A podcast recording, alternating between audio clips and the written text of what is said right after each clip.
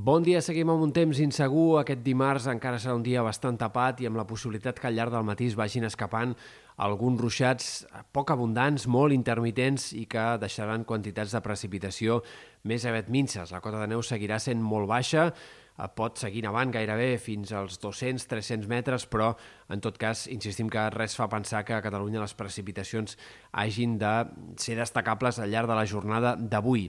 Més aviat, a partir del migdia, cada cop serà menys probable que arribi a ploure o a nevar una mica i les clarianes començaran a guanyar protagonisme per l'oest.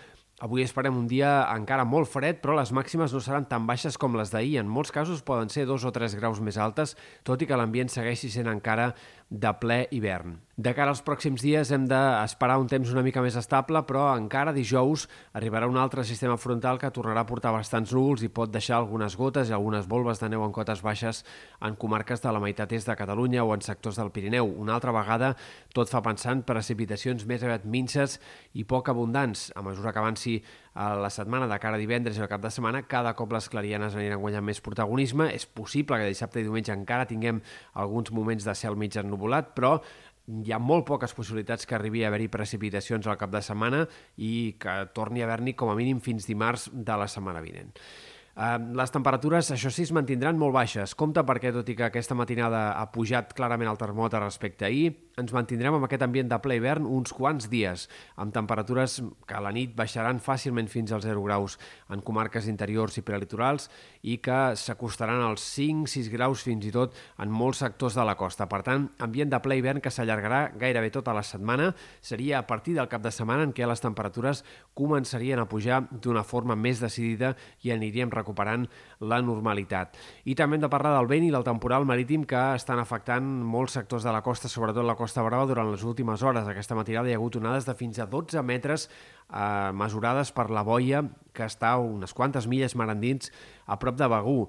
Avui el vent tendirà a disminuir amb el pas de les hores i la situació marítima ha tocat sostre, la, el temporal ha tocat sostre aquest matí de dimarts, però encara durant les pròximes hores seguirà l'alteració marítima molt important.